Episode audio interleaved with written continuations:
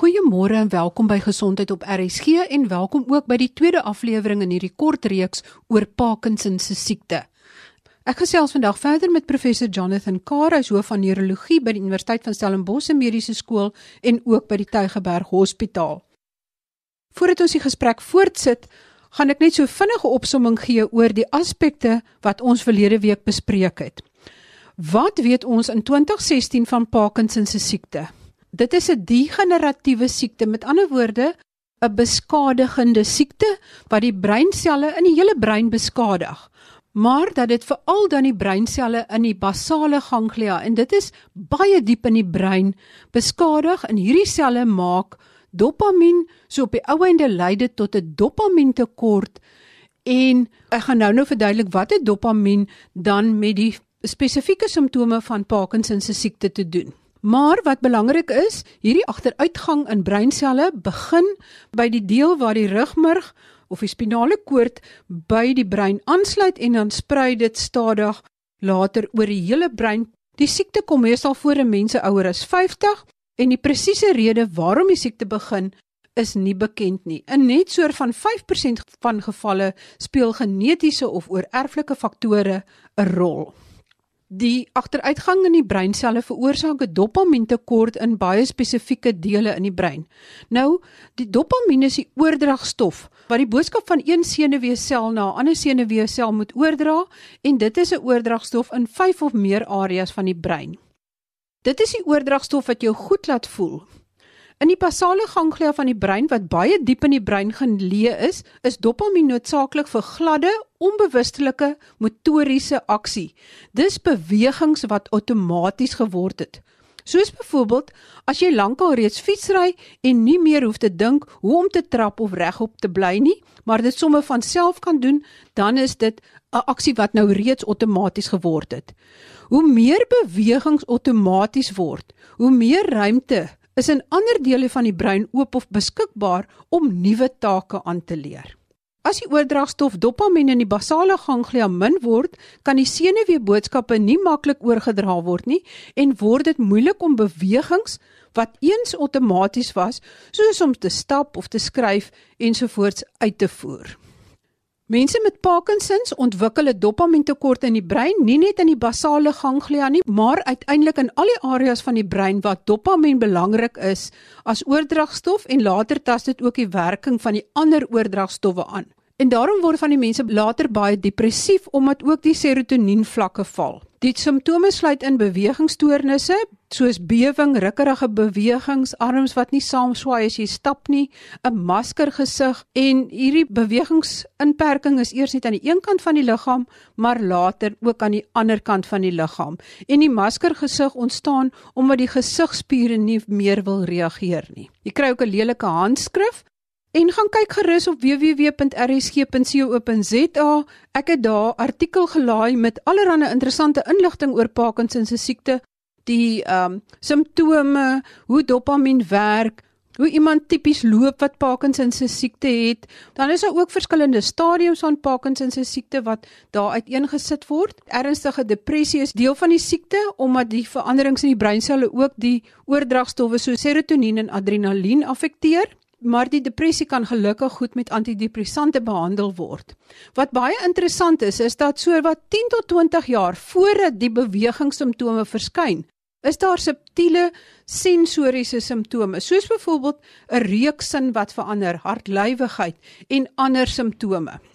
Die vraag wat toegevra is, sou help dit om dit baie vroeg te diagnoseer en ongelukkig maak dit nie 'n verskil aan die verloop van die siekte nie. Die behandeling sluit in dopamien, maar die brein word later weerstandig teen dopamien en al meer is nodig vir dieselfde effek. Dan word daar gewoonlik oorgeskakel na ander medikasie en ek, ek het ook op die webwerf 'n hele lys van al die medikasies gesit en dan in sekere gevalle is diep brein stimulasie. Dis basies soos 'n passangeer wat diep in die brein geplant word. Dit is dan veral baie goed vir mense waar die simptome direk die gevolg is van dopamien medikasie. Met ander woorde dopamien weerstandigheid waar daar dan aan en af fases vir die pasiënte is. En dit help dan veral om die abnormale bewegings in toom te hou. Dit is moeilik om die dopamien vlakke baie konstant te hou So jy moet 'n baie nou verhouding met jou neuroloog aanknoop. Dan kyk ons vandag na wat kan te hoë dosisse dopamien doen want dit het ook neeweffekte en ons gaan nou nou daaroor gesels. Dan kyk ons ook kan daar iets gedoen word om die agteruitgang in breinselle te verstadig? En ek het ook daar op die webwerf skakels gesit na die Michael J Fox Stichting sodat jy kan gaan kyk wat se navorsing daar op die oomblik gedoen word. Kom ons luister dan nou verder na die gesprek oor Parkinson se siekte. Ek het so tydjie terug gelees van mense met Parkinsons wat dopamien gebruik maar dan ontwikkel hulle 'n dobbelprobleem. Is dit moontlik of hoe werk dit? Baie belangrik dat jy dit noem want natuurlik 'n mens kom nie agter jy weet dis die probleem amper van kennis 'n gewone probleem van kennis. Ek weet dobbel probleme is direk as gevolg van medikasie maar die arme pasiënt vir wie ek daai medikasie gegee het kom dit nie agter nie. En dit kan lei tot groot groot probleme. So dis een van die punte wat ons vir die mediese studente en by praatjies met GPs beklemtoon. Jy moet groot asseblief vir jou pasiënt laat weet. En dit is veral bekend by 'n sekere klas van middels en dit is die sogenaamde dopamien agoniste. Dit wil sê vriend van dopamien. En dis nou 'n middel wat in die lab vervaardig is om soos dopamien te lyk. Sy groot voordeel is hy hou langer aan, so dis goed. Dit beteken dat jou vlak van dopamien word behou vir 'n langer tydperk as dopamien self. Een van sy nadele is hierdie storie van die dobbel en Dit val onder 'n klas van abnormale gedrag wat impulsbeheersteunisse genoem word. So impulsbeheersteunisse behels 'n hele paar goed. Dobbel is een van die algemeenste. Dit sluit in ook goed soos net om te veel te eet, Dikwels veral by mans seksuele misdrag kan soms plaasvind, soms skokkende gedrag. So baie baie belangrik dat mense weet van hierdie. Goeie nuus is onmiddellik as jy daai middel stop, die gedrag gaan weg. Maar jy kan sien dat 'n mens kan soms baie maklik in die sop beland met misdaad, kriminele misdaad en veral soms groot finansiële probleme. Ek kan vir jou stories vertel, maar miskien nie op die radio nie. Ek is Marie Hudson en ek gesels met professor Jonathan Carr, hoof van neurologie by die Universiteit van Stellenbosch se mediese skool en ook betrokke by die Tygerberg Hospitaal en ons gesels oor Parkinson se siekte. Ons sit nou die gesprek voort. Professor, hoekom gebeur dit dat die mense dan hierdie plesiersoekende gedrag ontwikkel? Onthou maar ons het al gesê dat dopamien baie belangrik is vir plesier. So vir al die dopamien agoniste, hulle werk op verskeie dopamien reseptore. Daar's 5 of 6 van hulle. Van hulle is net by die metodiese aspek belangrik, maar van hulle is belangrik by plesiersentre en so aan. So die dopamien agoniste, dis middels soos Pexola en Requip, hulle het 'n breë effek en dis sekerlik dit. Hulle effek op basies die plesiersentre wat dan lei tot hierdie impulsbeheersteunisse. Professor, jy het aan die begin verduidelik dat lank voordat mens die motoriese steurnisse sien van Parkinson se siekte, met ander woorde die bewing of die abnormale bewegings, is daar ook sensoriese ek wil amper sê sensoriese waarskuwingstekens sodat jou reuk nie meer normaal is nie. Indien Parkinson se siekte in hierdie vroeë stadium gediagnoseer word, maak dit 'n verskil aan die verloop van die siekte as jy dit vroeër begin behandel of maak dit nie eintlik 'n verskil nie? Dis eintlik die kernvraag, né, nee, want enigiemand sal toegee As ons 'n diagnose van Parkinson maak op grond van 'n geringe bewerasie en ons kan dan die siekte toestand genees, dan dis die einde van die storie. Alles is basies opgelos.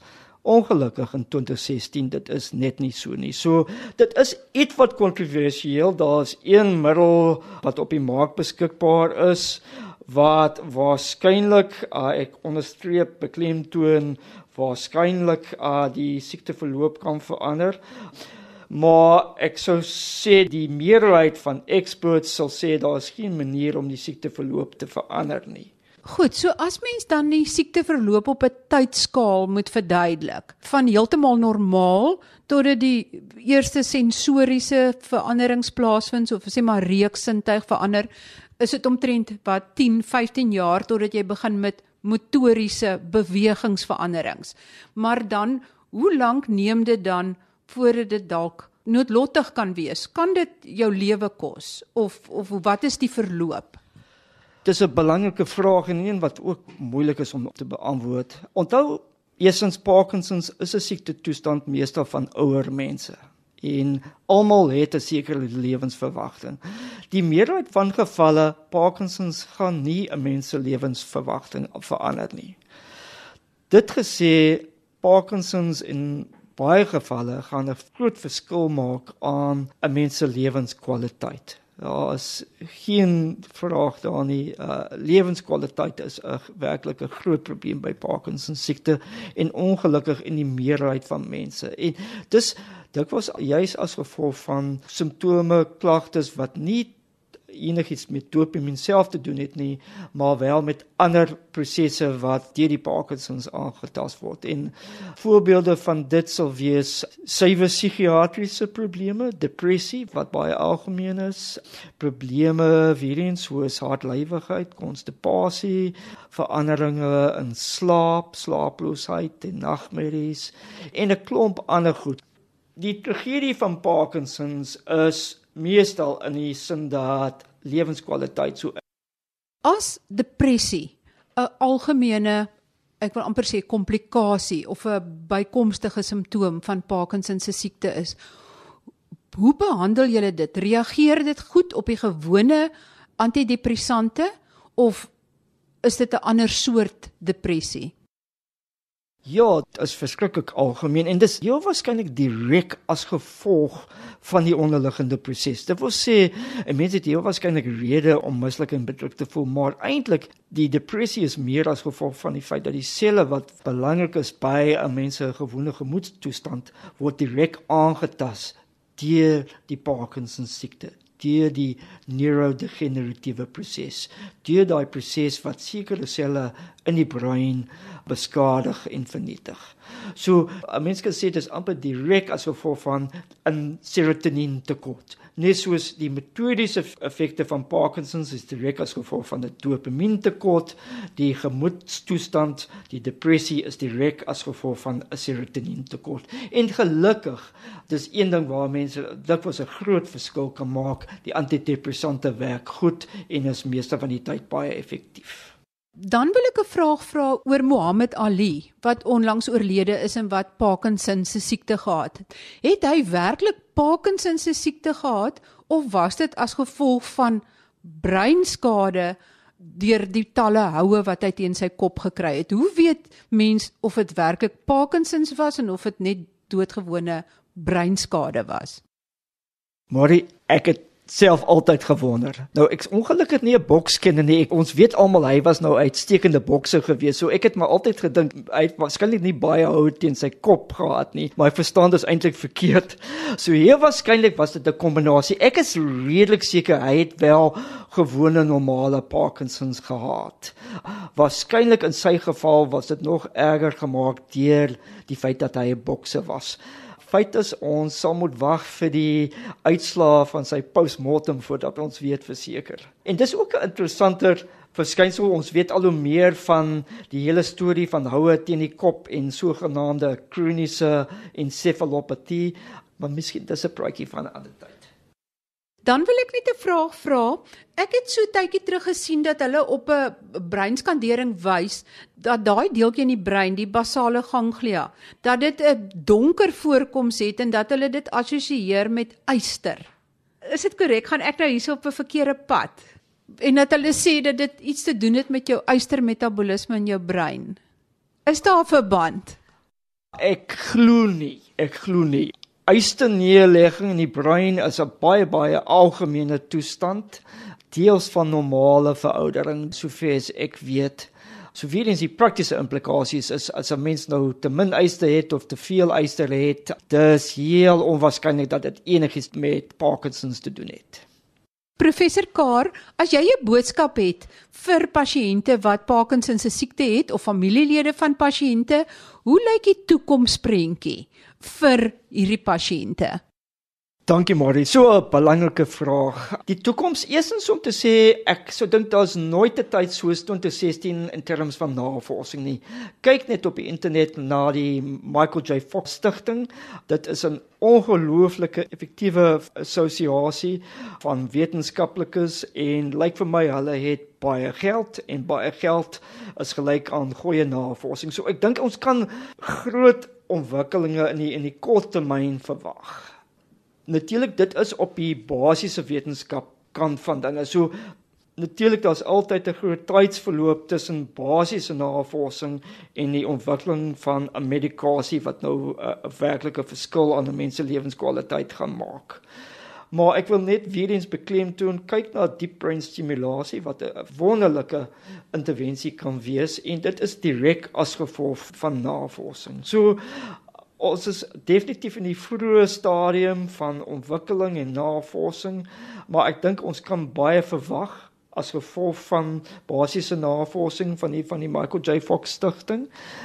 Ek dink twee punte om te beklemtoon.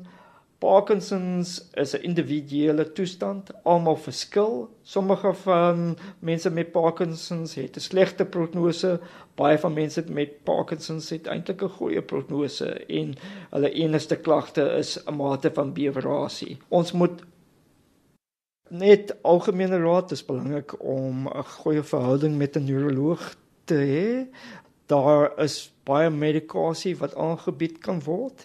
En net basiese goed dieet self is nie gewoonlik belangrik nie. Daar is sekere situasies as 'n mens Parkinsons het hulle moet 'n bietjie versigtig met proteïene wees. Maar andersins 'n mens kan eet of drink wat ook al jy wil. Oefening word al hoe meer uh, geprys as, as baie belangrik en dit is so in 'n mate maar almal moet maak soos hulle wil. Ek dink die groot boodskap wat ek wil oordra is miskien Parkinsons het eintlik 'n boodskap vir ons almal en dit is maar die lewe is maar kort, jy moet hom maar geniet elke dag en 'n mens moet probeer om hulle lewe voluit te lewe. So vinnig kom ons aan aan die einde van hierdie program. Gaan luister gerus weer op potgooi na die program en gaan kyk op www.rsg.co.za na die artikel met al die skakels na hierdie twee potgoeie van vandag en verlede week oor Parkinson se siekte en ek hoop dit help julle om die siekte beter te verstaan. Volgende week is dit die beurt van Dr Pieter Kreer en Dr Steven Jeffrey wat gespesialiseer het om aandag te gee aan blaasprobleme by vroue en prolaps by vroue en hulle beantwoord dan in breë die vrae wat die luisteraars ingestuur het en ons gesels ook oor nog verdere aspekte van die behandeling van blaasprobleme by vroue. Tot volgende week dan. Totsiens.